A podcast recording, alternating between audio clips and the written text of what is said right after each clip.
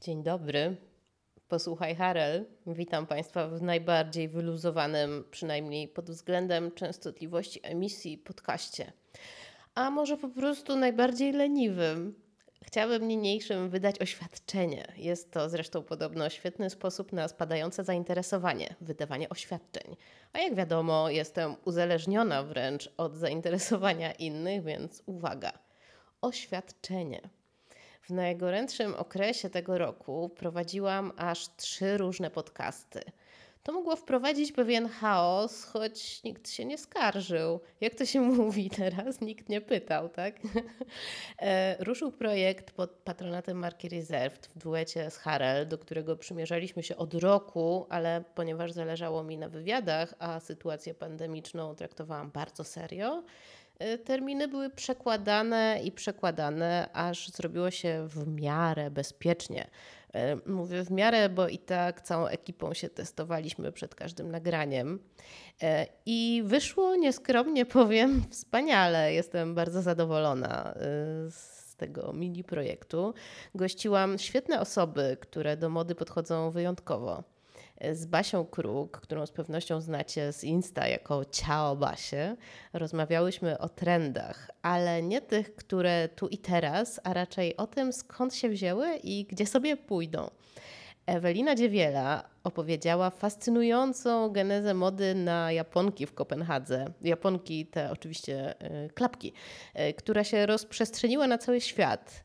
Y, między innymi, bo opowiedziała dużo więcej. E, nie zdradzę Wam o co chodzi z tymi Japonkami, sobie posłuchajcie. E, I o rowerach też mówiła, bo ta kobieta prowadzi sklep, e, taki sklep w Warszawie z absolutnie moim zdaniem najpiękniejszymi rowerami na świecie, Tokyo Bike. Jak się łatwo domyślić, prosto z Japonii. W ogóle te rowery chyba są też bardzo nie wiem czy najlżejsze na świecie, ale na pewno lżejsze niż mój cudowny rower, który kocham, ale mimo, że pakuje i siłuje się na siłowni, to nie mogę go nosić po schodach jeszcze. E, no i była jeszcze Sylwia Antoszkiewicz, e, z którą się znamy od lat, właściwie to już taka była rozmowa prawie, że takich po prostu, może no nie jesteśmy psia psiółkami, ale taka była e, no jak takich starych, dobrych znajomych. Mm, I to jest rozmowa dla wszystkich, które na co dzień stają przed szafą i są pełne obaw. E, czy to o swój wiek, czy o sylwetkę, czy o styl. E, no bo Sylwia to jest e, czarodziejka z księżyca, tak powiem, to absolutnie tutaj pozytywny wydźwięk niech to ma. Tyle powiem, zachęcam. W międzyczasie wymyśliłam mini cykl, który chciałam rozpocząć tutaj, ale po prostu był to absolutnie cudowny zbieg okoliczności. Takich w moim życiu jest dosyć sporo. E, nie chcę zapeszyć, bo je lubię. E, bo dostałam propozycję z Woga polskiego, żeby dołączyć do ich własnego projektu podcastowego. E, I tak narodził się wehikuł Harel, czyli podróże w czasie, po modzie i okolicach, które całkowicie już do Woga przeniosłam. E, to opowieści podzielone na lata, nigdy jednak chronologicznie, zatem nigdy nie wiecie, co będzie w odcinku kolejnym. E, zaczęłam od roku 1996, gdy wszystko było pomarańczowe i plastikowe. E, sporo wspomnień i sporo wrażeń. Niektóre z Was pamiętają, e, inne z Was jeszcze się nie urodziły. E, wiem, że lubicie ten podcast. Na razie wyemitowano 8 odcinków, kolejne, e, bo już mam je właściwie gotowe, czekają na nowy sezon, który po wakacjach. Brałam też udział w podcastach u innych, choćby u Uli Janusz trochę się plączę. Postanowiłam tego nie ciąć i nie montować, więc Państwo wybaczą. E, u Uli Janoszuk na przykład. E, to jest taki fajny podcast. Kreatywnie u Janoszuk ona rozmawia o kreatywności z różnymi gośćmi. Ma tych odcinków bardzo, bardzo dużo, więc jeśli poszukujecie czegoś nowego do posłuchania, to bardzo polecam. E, też się wymieniłyśmy tutaj z Sylwią Antoszkiewicz e, gościną i byłam też e, u niej w podcaście, który z kolei powstaje we współpracy z marką Fiore. I byłam też w podcaście o podcastach u Kamili Wagner. Teraz takie trochę podsumowanie występów gościnnych. To jest podcast, który też jest w ramach tego projektu Polskiego Woga.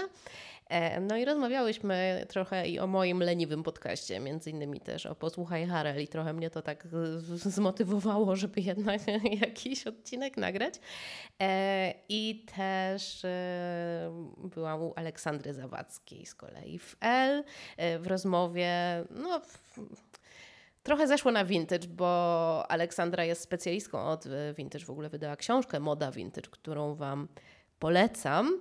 E, no ale tak troszkę też rozmawiałyśmy o karierze, co ja zawsze mam uśmiech, jak e, pojawia się to słowo, dlatego że to, co dzieje się w moim życiu, to jakaś taka moja ścieżka, e, no już mogę powiedzieć, zawodowa, blogowa, bo to wciąż jest jakaś taka druga ścieżka równoległa, którą kroczę sobie, oprócz tej, czy obok tej mojej muzycznej. To ja zawsze się trochę śmieję na słowo kariera, bo e, to słowo bardzo, wydaje mi się, że ono bardzo do mnie nie pasuje.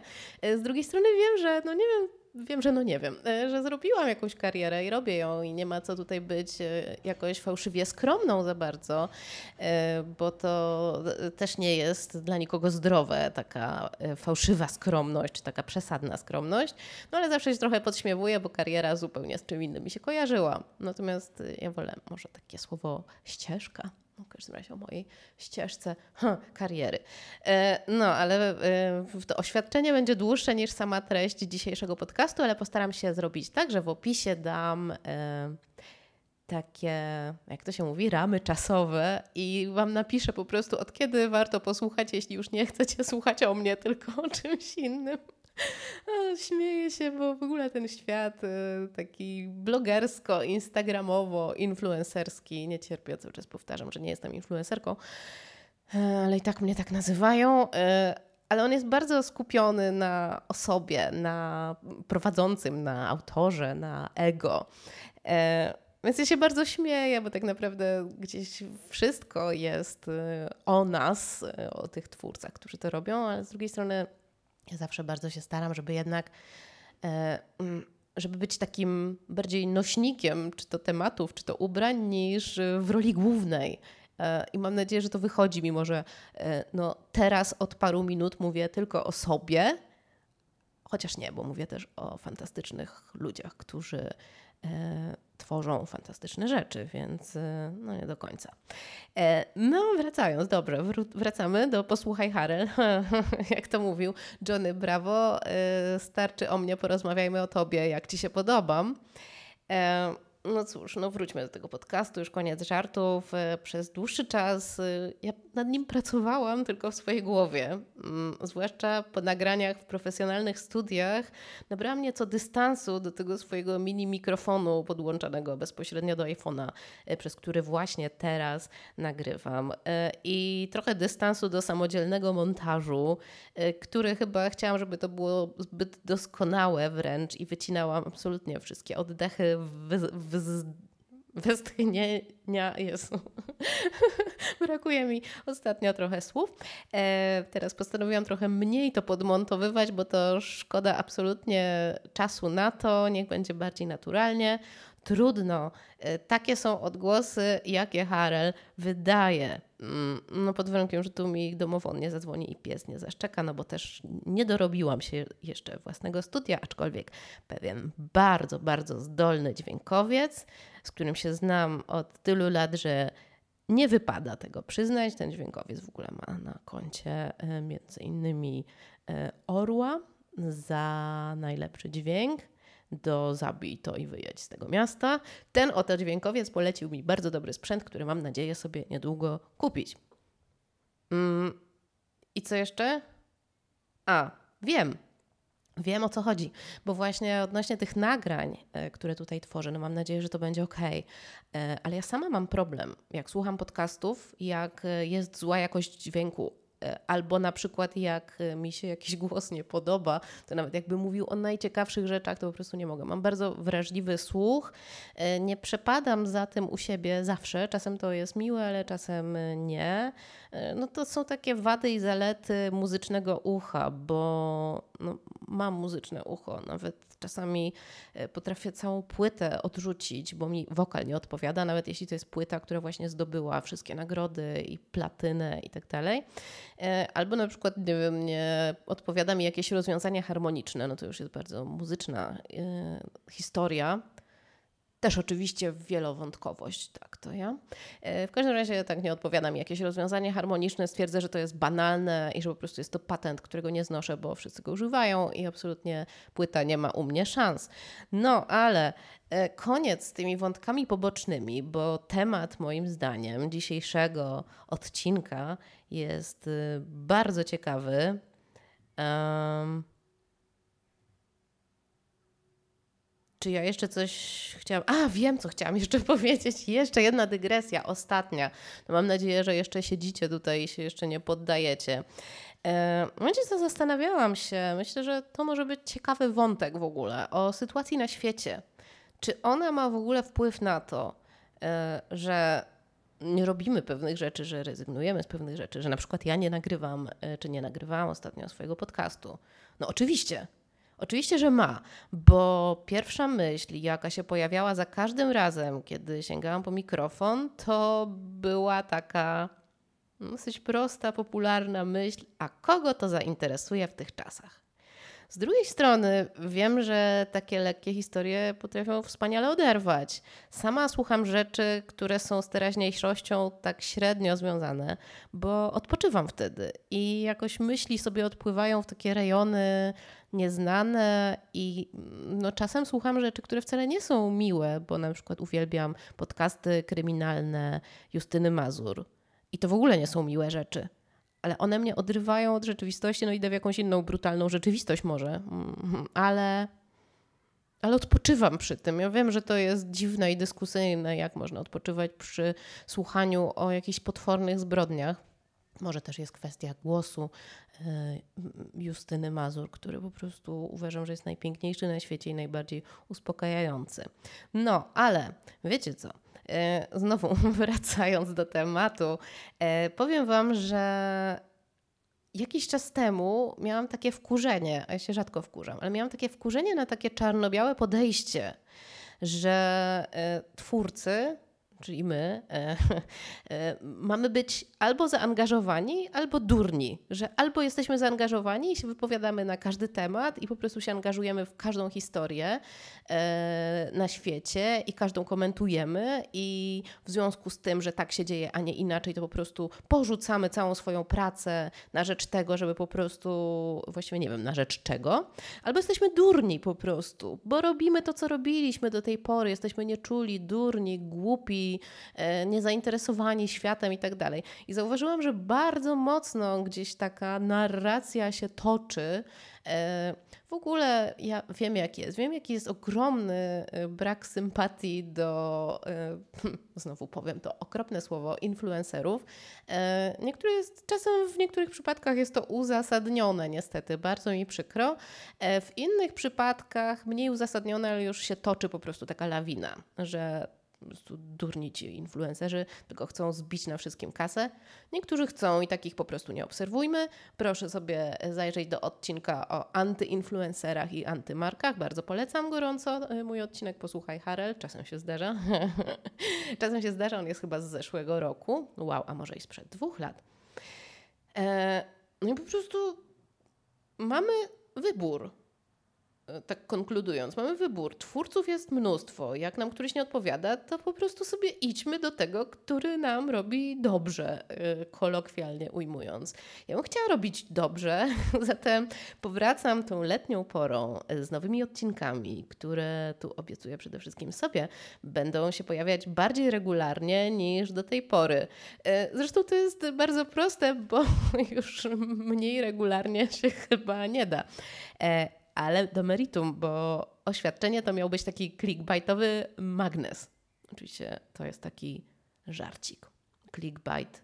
Gardzimy clickbaitem. Gardzimy, ja czasem używam go i wiem, że działa, ale gardzę clickbaitem i wszystkimi e, tytułami clickbaitowymi. Hmm. Kolejny wątek poboczny? Nie. Słuchajcie, Koniec tego. Zaczynamy, e, w tym momencie zaczynamy temat przewodni tego odcinka. Co sobie najbardziej cenię w modzie? Przeciwwagę. W modzie zawsze będzie kontrast, zawsze się znajdzie drugi biegun. E, I tak spoglądając ostatnio w pewnym kurorcie polskim na ofertę jednego z butików, dostrzegłam fanartowską wręcz wariację na temat monogramu Louis Vuitton. I podjęłam decyzję, że temat nie może dłużej czekać. E, niczym Dapper Dan w Nowym Jorku trzy dekady temu twórcy dzieła puścili wodze fantazji, pozostawiając bezpieczne dziedzictwo marki daleko w tyle – Kolor zielony, Bottega Green nawet, czyli odcień, który zaserwował nam Daniel Lee, gdy jeszcze dyrektorował marce Bottega Veneta. E, a na zieleni wściekle różowe, charakterystyczne dla Louis Vuitton kwiatki i gwiazdki przeplatane serduszkami. E, zapomniałam dodać, że mówię o trapezowej mini sukience bez rękawów. E, tu z pewnością ukłon w stronę lat 60.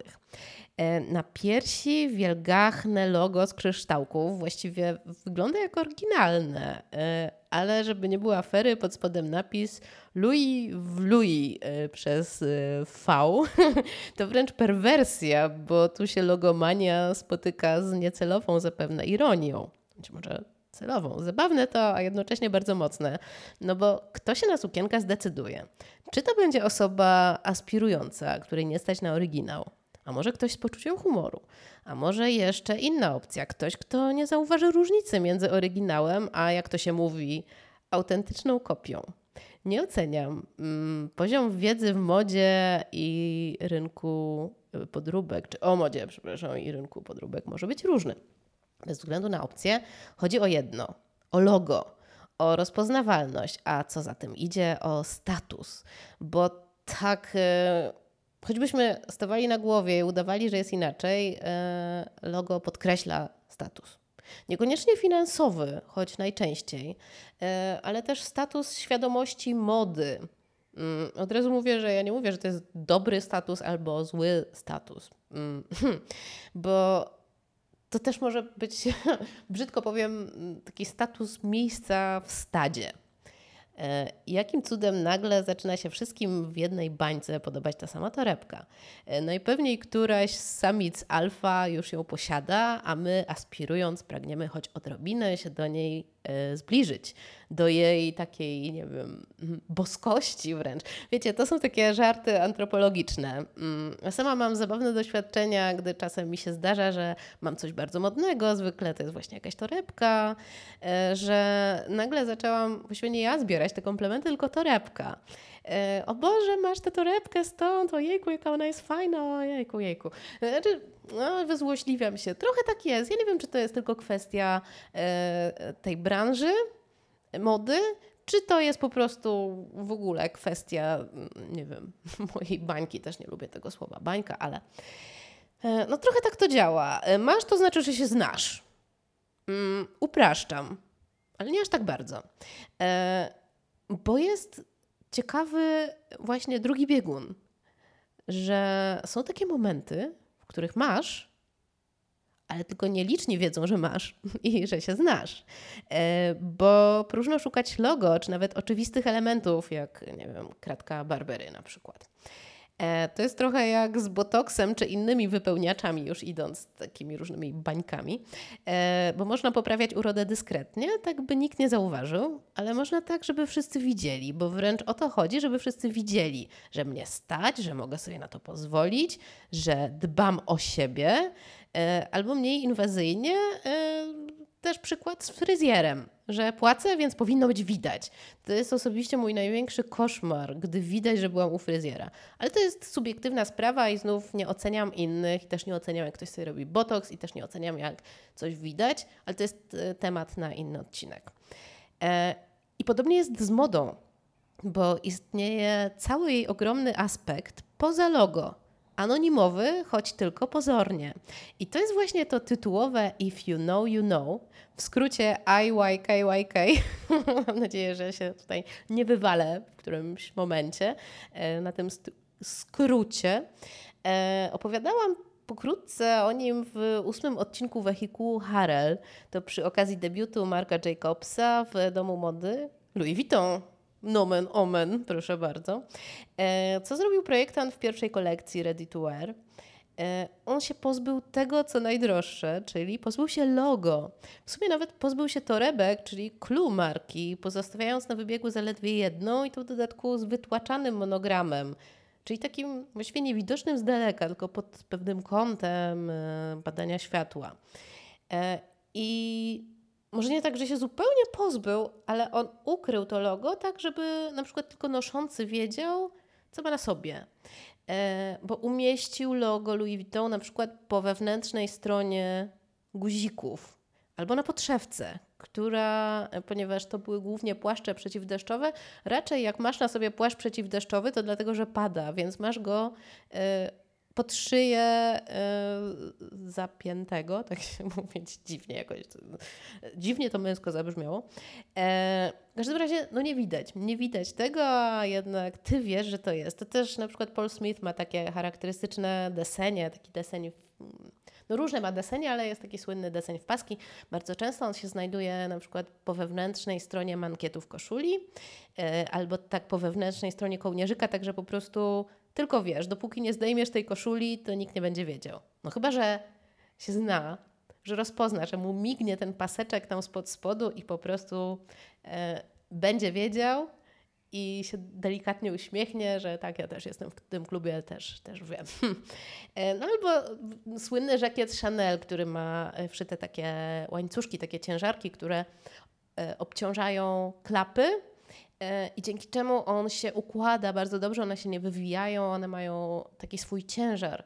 E, to jest taka trochę tajemnica Poliszynela, bo chyba wszyscy o tym wiemy, że wszyscy o tym wiemy. No to nie jest żadna jakaś, nie wiem, żaden pilnie strzeżony sekret, ale mm, raczej żakiet w stylu Chanel z sieciówki nie będzie miał tego obciążnika. E, na przykład. If you know, you know. E, to nie jest rzecz nowa. Mm, ale jak obserwuję teraz współczesną modę, to dochodzę do wniosku, że ona ma takie fale. E, I na przykład taki chyba ostatni szczyt popularności, czy to jak się mówi w nomenklaturze e, badaczy trendów, pik, e, chyba przypadł na debiut Phoebe Philo, nawet nie chyba, tylko na pewno. Phoebe Philo jak przyszła do Celine w 2009 roku. E, ona w czerwcu 2009 roku zaprezentowała kolekcję e, Cruise, czy Resort 2010. E, z jednej strony to były rzeczy dalekie od odkrywczych, bo to, to nie było nic, co patrzysz i po prostu sobie myślisz, wow, tego jeszcze nie było. E, ale właśnie o to projektantce chodziło. Nie o trendy, nie o hity sezonu, a o, uwaga, będzie straszny banał. O ponadczasowe klasyki. Ale uwaga, bo ona stworzyła coś jeszcze. Ona stworzyła. Mm, czy odtworzyła może fasony tak rozpoznawalne, zwłaszcza w swoim towarzystwie może, e, że bardzo szybko zaczęło się mawiać o rzeczach w stylu Celine.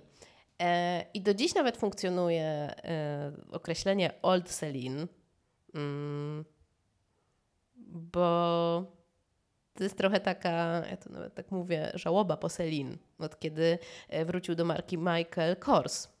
No dobrze, to jest znowu to jest taki hermetyczny żarcik, bo nie wrócił Michael Kors, tylko Hedy Sliman. Natomiast gdy spojrzymy sobie na projekt Korsa z czasów jego pracy w Celine, z kolei tutaj odkryjemy zaskakujące podobieństwa. Wróćmy jednak do Celine z przed lat kilkunastu.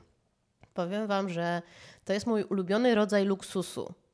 Mm, taki nieoczywisty, nie narzucający się. E, oczywiście projekty Celine miały odpowiednie ceny. Cholernie wysokie. Naprawdę, nie, że wysokie, cholernie wysokie. E, więc nie dość, że mówiły o tobie, że się znasz na rzeczy, to jeszcze, że cię stać no tą rzecz. E, nie spowiadam się ze swoich zarobków ani wydatków. Akurat na Selin nigdy się nie zdecydowałam. Zawsze wygrywały podróże, ale absolutnie rozumiem osoby, które zauroczyły się na tyle, by wydawać sporo kasy na te hity bez logo. Chociaż hit to jest złe słowo.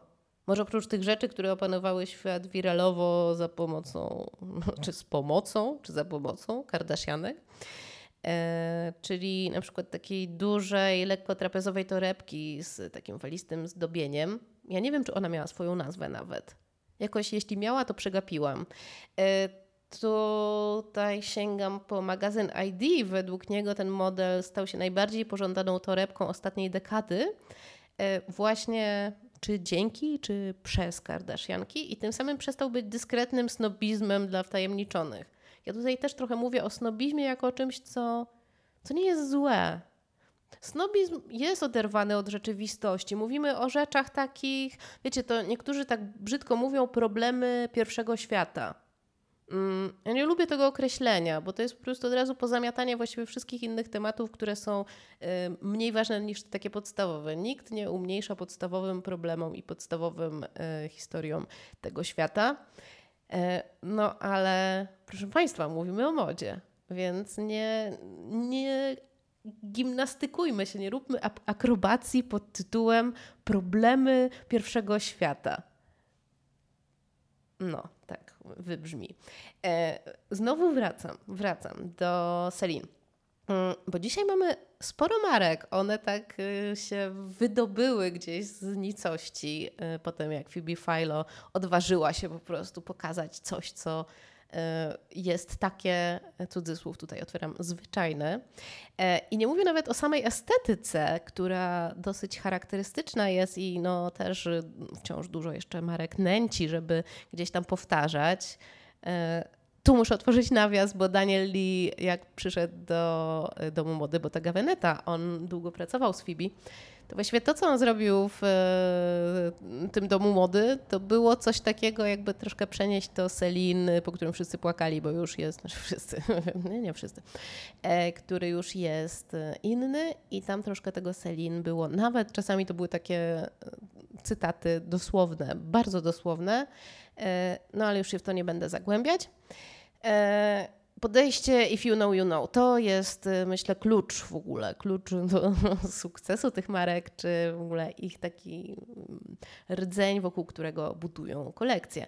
Y, weźmy na przykład sobie taką szwedzką markę Totem. Ona jest z logo, owszem, tu jest logo, ale ono jest takie, że mm, raczej się go nie da przeczytać. To jest bardziej taki znak, znak towarowy. Y, to jest takie totem to są takie litery, one bardzo są napisane tak geometrycznie, powielone, ujęte w taki kwadrat yy, i albo tworzy się taki wzorzysty ry rytm z niego, albo po prostu są um, ogrodzone, okalane takim, e, takimi kwadratami. Jak sobie wygooglujecie, jeśli nie kojarzycie totem, to będziecie wiedzieć, y, co tutaj te moje pokrętne tłumaczenia miały na celu. E, no i mamy tę charakterystyczną apaszkę właśnie, totem, e, w kwadratowo układające się paski. Mamy bluzkę Liry, e, nie wiem czy tak się ją wymawia. Ona jest takimi szerokimi rękawami i dużym kołnierzem. Ona jest już kopiowana masowo właściwie i też masowo była kopiowana sukienka, znowu nie wiem czy dobrze wymawiam, korip czy koripę E, ona taka z, z takim gumkowym marszczeniem, no właściwie na całej długości. Sieciówki już to po prostu miały e, we wszystkich e, możliwych wariacjach. Ale wiecie, mm, tylko w momencie, w którym masz oryginał, spotkasz się z uznaniem, przynajmniej w środowisku, dla którego ma to znaczenie. Podobnie jest z modelami australijskiej marki Mato. Na przykład taka bluzka z roślinnym nadrukiem w stylu Matissa. Ona robiła szał.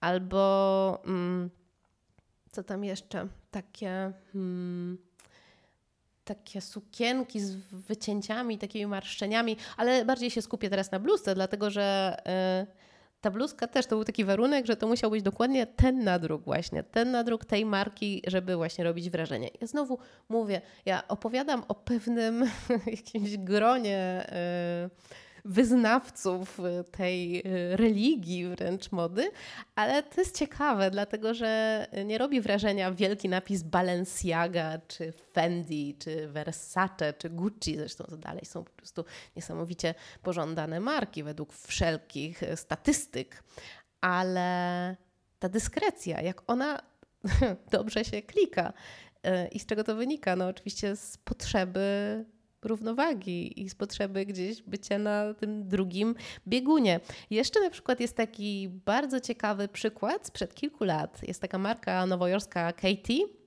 E, pisze się ją K-H-A-I-T-E. E, w pewnym momencie ta marka po prostu wzrosła, gdzieś w ogóle weszła na szczyt e, za sprawą takiego swetra rozpinanego. To był taki kardigan kaszmirowy e, w takim kolorze szaro-beżowym i do niego w komplecie był właściwie stanik, taki topik, braletka. E, I to miała na sobie chyba jako pierwsza taka popularna osoba Kate, Katie Holmes. Katie Holmes, y, gdzieś ją paparazzi przyłapali, jaką, jakąś tam taksówkę w Nowym Jorku, wzywa. Właśnie ten cardigan, tu jej opadał troszkę, y, odsłaniał ramię, a pod spodem był ten top y, pięknie układający się właśnie na jej piersiach. I no nagle się okazało, że po prostu tego nie można kupić w ogóle nigdzie, że nigdzie, na pewno nie u Katie, Katie ani Holmes, ani w marce, dlatego że się wysprzedał, nawet nie wiem, czy jest takie słowo, wysprzedał, wyprzedał e, natychmiast e, jak tylko się ludzie zorientowali, co to jest. No i oczywiście też sieciówki podchwyciły bardzo szybko. E, nawet były całe działy takich kompletów zrobione, przynajmniej w sklepach online. Właśnie takich, kiedyś to się mówiło bliźniak, ale to był sweterek jeden na drugi, a teraz mm, taki dziwny bliźniak. W każdym razie ten prawdziwy komplet e, Katie, jeśli miało się, no to, to było się kimś. Cały czas tłumaczę, że ja mrużę tu oko, ale mam nadzieję, że wiecie to. Wiecie to, że nie jest się kimś, bo się coś ma, prawda? To raczej takie pytanie retoryczne, musiałam je powiedzieć, żeby dla porządku. Dla porządku. E, albo też na przykład taka historia sprzed kilku lat, e, zupełnie inna estetyka niż te wspomniane przede mną, przeze mnie przed chwilą. E, francuska marka Rouge. To są takie romantyczne sukienki. Zaczęło się od kopertowego modelu Gabin inspirowanego fasonami vintage. To są takie lekkie bufki, podkreślona talia, długość za kolano, deseń w łączkę. E, taka kopertowa akurat ona jest zapinana, ale są też zapinane te sukienki, inne modele e, po prostu taką listwą guzików, albo ma tylko krótką listwę, albo jest wkładana przez głowę, ale ma jakiś uroczy kołnierzyk i tak dalej. Mm, nie jest to nic odkrywczego, bo e, zwłaszcza jak bywało się, nie wiem, no miałam te, to szczęście, że nie wiem, bywałam w takich sklepach vintage w Paryżu, bywałam, no byłam parę razy, e, kilkanaście lat temu i takich sukienek tam było na pęczki po prostu, na pęczki. E, no i Jean Dama moim zdaniem po prostu wzięła sobie na warsztat kilka takich sukienek vintage i stworzyła z nich takie bardziej nowoczesne wersje. I co się wydarzyło? Znowu, sukienek w tym stylu się pojawiło mnóstwo. I ja nawet mówię, to nie są żadne podróby, bo to po prostu ciężko mówić o tym, że to są podróby, kiedy to są fasony, które po prostu od dekad gdzieś się um, pojawiają. Ja sama sobie z kolei w Berlinie kupiłam taką sukienkę vintage Hmm, która bardzo przypomina, no właśnie kropka w kropkę przypomina te modele z Róż, a ona jest ewidentnie z lat 80., jak sobie wygooglowałam e, metkę. No ale jednak e, Róż ma bardzo konkretne e, autorskie wzory tych kwiatów, które już e, są rozpoznawalne i są rozpoznawalne na zasadzie aha, czyli ty masz to bo tu nie ma logo znowu, jest tylko mm, metka wszyta gdzieś tam, ale ty masz to. E, no i teraz pytanie, czy, czy w ogóle to wszystko ma sens? To o czym mówię? Gdzie tu jest sens? E, I wiecie co, odpowiem wam, że ja bym w ogóle nie starała się szukać sensu w tym. ja bym się nie starała szukać sensu, ja bym się nie starała tutaj szukać e, jakiejś odpowiedzi na pytania, na pytania o, o naszą egzystencję e, ludzką. Bo jeszcze nie mówi się o takiej jednej historii, e, o takich zabawnych sytuacjach, kiedy tylko ty wiesz, nikt inny. E, w takiej sytuacji zostajesz w skarpetkach do sandałów, mając w wyobraźni Pradę czy hit sezonu, e, na przykład grube skarpetki do balerinek jak u Miu Miu, ale dla reszty, poza kontekstem, to nie ma sensu. I przykładów jest mnóstwo, bo na przykład w takim roku 2010 nagle kolor granatowy się pojawił obok czarnego. A do tej pory to było połączenie zakazane, podobnie jak czerwony z różowym. Znaczy zakazane, no wiecie, zakazane przez wszelkie e, tutaj. Um, zasady łączenia kolorów, tak jak kiedyś się mówiło, że nie może wystawać sukienka spod płaszcza, albo wiecie, mówiło się kwiatek do kożucha, że to jest coś takiego, co nie pasuje no wiecie co, kwiatek do kożucha, Kerry Bradshaw, e, jak może to nie pasować. E, na szczęście już te zasady odchodzą w zapomnienie, całe szczęście. Ale właśnie ten granat przy czerni. To znów była Phoebe Philo i znowu e, to była kolekcja z 2010 roku, w której granat z czernią odgrywały główną rolę. Zaraz obok golfowych kołnierzy, dwurzędowych zapięć czy takiej błyskującej skóry. O, albo inny przykład, taki mój ulubiony. E, Birkenstocki, czy Birkenstocki, jak powinno się mówić, bo to niemiecka marka. E, I znów, znów to było Celine, bo to był model zainspirowany marką. E, I w ogóle tak się o tych butach pisało w najróżniejszych artykułach komentujących kolekcję, czy nawet w recenzjach, że to są Birkenstocki, mimo że to nie były. No i to był rok hmm, 2013 Teraz mówię to z pamięci, więc nie jestem pewna, ale wydaje mi się, że to była wiosna, lato 2013. E, I to nie była współpraca z niemiecką marką, a i tak się o tych butach po prostu pisało przede wszystkim.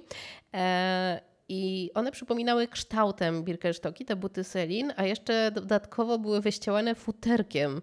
E, nie wiem czy sztucznym, bo gdzieś trafiłam na opis, że to były norki, więc po prostu tak, tutaj po prostu milczenie chyba będzie najlepsze.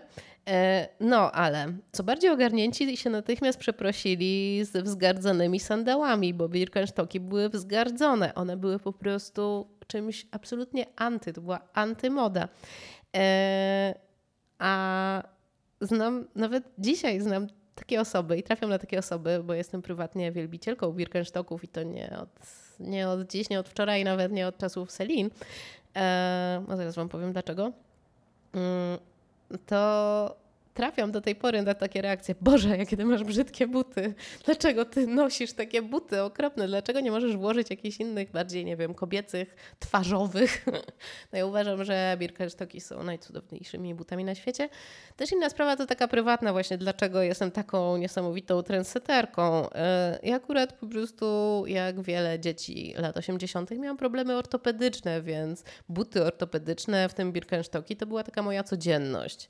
E, i konieczność, więc to nie był jakiś wybór. Jeszcze nosiłam szola, czasami buty. Teraz szol zresztą też tak jakoś próbuje się wydobyć, ale ponieważ e, to nazwano Birkenstockami, a nie szolami te e, buty u Selin, to myślę, że szol ma o wiele trudniej. Aczkolwiek miał współpracę, miał, miała ta marka współpracę z Gani niedawno. E, według mnie średnio udaną, ale trzymamy kciuki, bo kto wie. Znów wątek poboczny. No, e, wracam jeszcze do tych właśnie if you know, you know, ale nobody else knows. E, wrażenie też robią projekty Margieli, choćby buty Tabi o których na blogu pisałam w 2008 roku, a to i tak już było 20 lat po ich debiucie na wybiegu, bo one zadebiutowały e, u niego w 88. I to takie buty, wiecie, takie raciczki e, z przerwą między paluchem a resztą palców.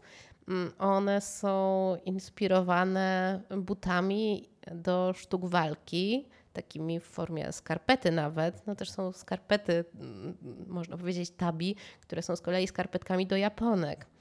E, no i te buty dalej, no to trochę jest if you know, you know, a trochę e, jak ktoś nie wie i przecież nie musi wiedzieć i nawet ma prawo nie wiedzieć, to raczej się skrzywi, że Boże, co ty masz na nogach, co to są jakieś wielbłądy. E, co jeszcze? A takie śmiesznie uniesione ramiona na przykład. To ostatnio było u Wiktora i Rolfa, to już była karykatura po prostu. Mm, też u Balenciagi Coś takiego się zdarzyło, zdarzało, jak Demna przyszedł tam do nich chyba w 2000, poprawcie mnie, chyba 16 roku, jestem słaba z dat, zawsze byłam. Mm, ale wiecie co, E, akurat taka sukienka od Wiktora i Rolfa to jest taki, taka rzecz z takimi, no naprawdę masz ramiona przy uszach, jak sobie e, wpiszecie, to chyba była kolekcja od Couture, e, na teraz 2022, Wiktor Rolf, to zobaczycie o czym ja mówię. I naprawdę nie wiem, czy znam osobę, która obroniłaby tę sukienkę i byłaby w stanie ją unieść dosłownie i w przenośni. E, myślę, że reakcja naprawdę mogłaby zależeć od e, stanu wiedzy o aktualnej modzie w towarzystwie. Też pytanie, na ile to ma sens, ale z drugiej strony, tak jak mówiłam przed chwilą, nie ma sensu doszukiwać się tutaj sensu. E, a co z rzeczami całkiem zwyczajnymi, które się naprawdę nie wyróżniają, y, nie zmieniają nam proporcji, nie zmieniają kształtu sylwetki, y, nie, nie krzyczą z jakichś stron z must w gazetach, tylko po prostu sobie e, są i się bronią jakością czy wieloletnią tradycją, albo jednym i drugim. E, proszę Państwa, e, teraz będzie najlepszy przykład, jaki znalazłam. Marka. E, ona jest założona przez siostry Olsen w roku 2006.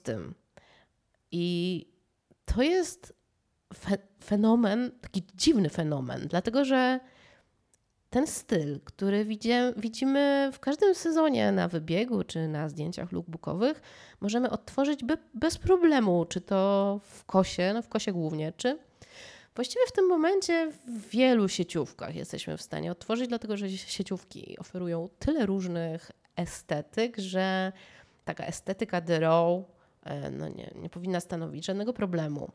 E, upraszczam, być może upraszczam, ale spójrzmy sobie na te kolekcje. To są białe t-shirty. To są dobrze skrojone czarne spodnie w kant, zapewne wełniane. To są takie obszerne sukienki, drapowane tuniki. E, no, tutaj teraz w tym sezonie to są te sandałki o wdzięcznej nazwie Fisherman, czyli e, e, rybak, które możemy też już znaleźć we wszystkich sieciówkach. To są takie sandałki, które przynajmniej moje pokolenie dinozaurów z lat 80. E, pamięta z dzieciństwa, raczej jako koszmarek niż jako e, przedmiot pożądania. No teraz takie sandałki właśnie nagle e, są modne i robią wrażenie. Mm. Tylko czy potrzebujemy robić to wrażenie? No. Hmm. To są takie pytania, na które każdy sam musi sobie odpowiedzieć. Ja zawsze jednak uważam, że ubieramy się przede wszystkim dla siebie i nawet ten if you know, you know e, jest moim zdaniem pięknym, taką piękną gałęzią ubierania się dla siebie i takiego e, snobizmu bardzo e, skierowanego właśnie w stronę noszącego nie oceniamy, czy to dobre, czy złe, czy, czy w 2022 roku w ogóle mamy prawo mówić o jakichś snobizmach, czy na coś się snobować, kiedy po prostu sytuacja jest wokół taka, jaka jest. Ale nie mówię Wam, co mamy robić, a opisuję pewien trend, czy pewne zjawisko, bo myślę, że trend to jest jednak taka krótkotrwała rzecz, a to jest zjawisko, które trwa, podobnie jak logomania, która trwa e, i o której właściwie się pisze bezustannie, że jest ona modna. Czy jest w dobrym guście? To na pewno zależy od tego, jakie logo mamy na piersi, oczywiście.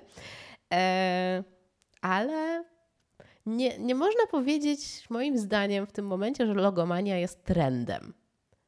To jest raczej pewne też zjawisko, pewna estetyka, którą po prostu albo się lubi, albo nie.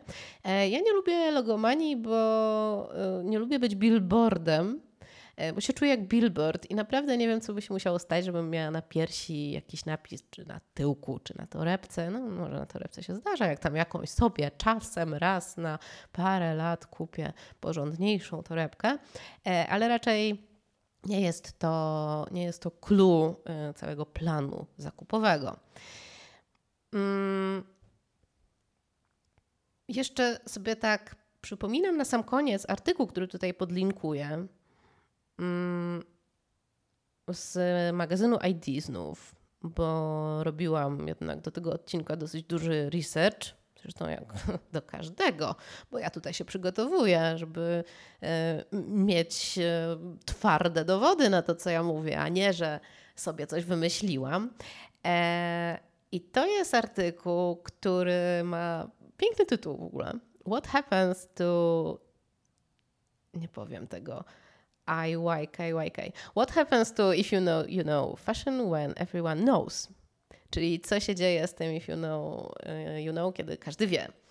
E, I to jest e, ciekawe spojrzenie na to, jak ten if you know, you know się dosyć ciężko miewa w dobie internetu i powszechnego dostępu do informacji. Bo jak czegoś nie wiem, to się dowiem to wyszukam obrazem Google na przykład. To bardzo pomaga. To jest w ogóle mój taki tajny sposób, chociaż już nie taki tajny, bo już kilka razy go e, zdradziłam. Natomiast mimo wszystko myślę, że jednak e, not everyone, że jeszcze nie każdy wie, bo wciąż można odkryć coś nowego.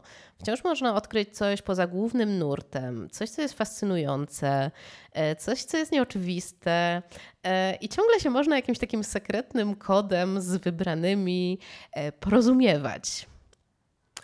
No i to jest taka ludzka natura. Od przedszkola to samo, prawda?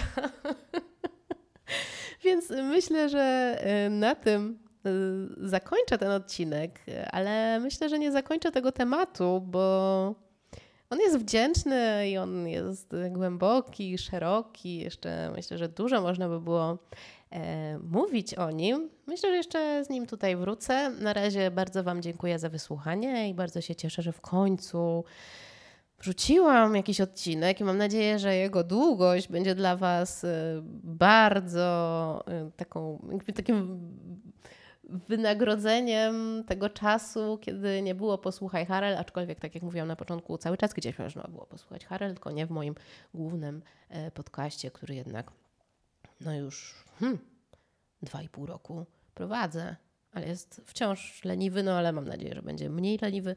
Bardzo Wam dziękuję za wysłuchanie i do usłyszenia wkrótce, obiecuję.